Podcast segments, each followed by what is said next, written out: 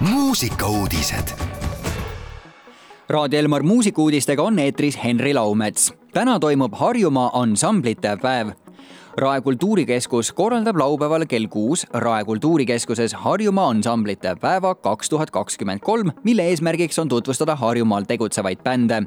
üritus toimub neljandat aastat järjest ja võimaldab publikul nautida kohalikku muusikat ning bändimeestel tutvustada oma värskemat loomingut. sellel aastal astuvad Rae kultuurikeskuses lavale üles kolmteist ansamblit üle kogu Harjumaa žüriis on muusikud Jaan Elgula, Tõnu Hallik ja Margus Ermast tähtede tähe kõik osalejad on selgunud. kanal kahe ekraanil alustab peagi suursugune teleshow Tähtede täht, mis toob kokku kaheksa armastatud Eesti artisti, kes võtavad omavahel mõõtu eri muusikažanrites. nüüd on selgunud kaks viimast julge väljakutse vastu võtnud talenti tähtede tähe. Kaks viimast osalejat on juba pisikesest peale rahvusvahelisi lavalaudu vallutanud Eesti superstaar ja tänavune eurolaulik Alika Miilova ning miljonite silmapaaride ees Eurovisioonil esinenud hõbehääl Elina Netšajeva lisaks Elinale ja Aalikale panevad selle kevade suurimas meelelahutussaates oma muusikalised oskused proovile juba varasemalt avaldatud artistid Stefan Aira-Petjan, Jaagup Tuisk, Sünne Valtri, Keter Jaani, Tõnis Sarap ja Peeter Oja tähtede täht alustab Kanal kahes pühapäeval, üheksateistkümnendal märtsil. Eesti Laulu finalist Meelik annab oma esimese avaliku kontserdi. laupäeval, esimesel aprillil astub kontsertklubis D3 lavale Meelik.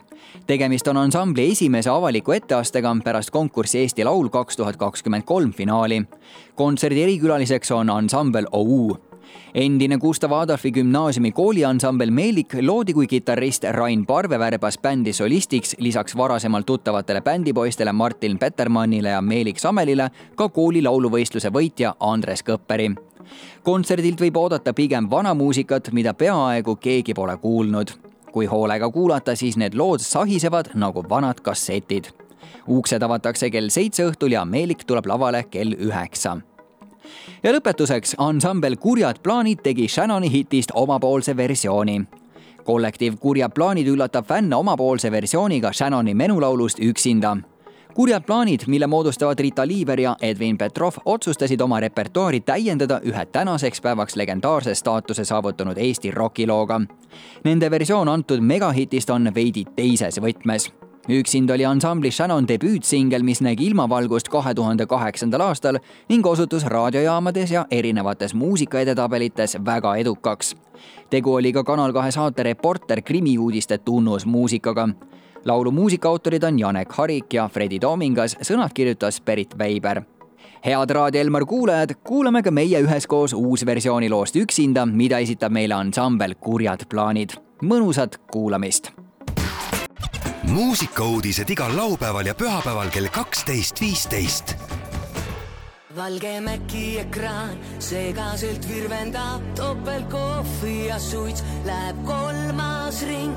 täna tööl poole peal tundub lahkuma pean, see miski nagu sunniks mind. päike kõrvetab maad, karjub autosignaal, elulinna džunglis on kiire ja julm välja sõitma siit pean, enne viite, kui veab, saan ummikutes mööda ja siis tuli lõpuks käes, on aeg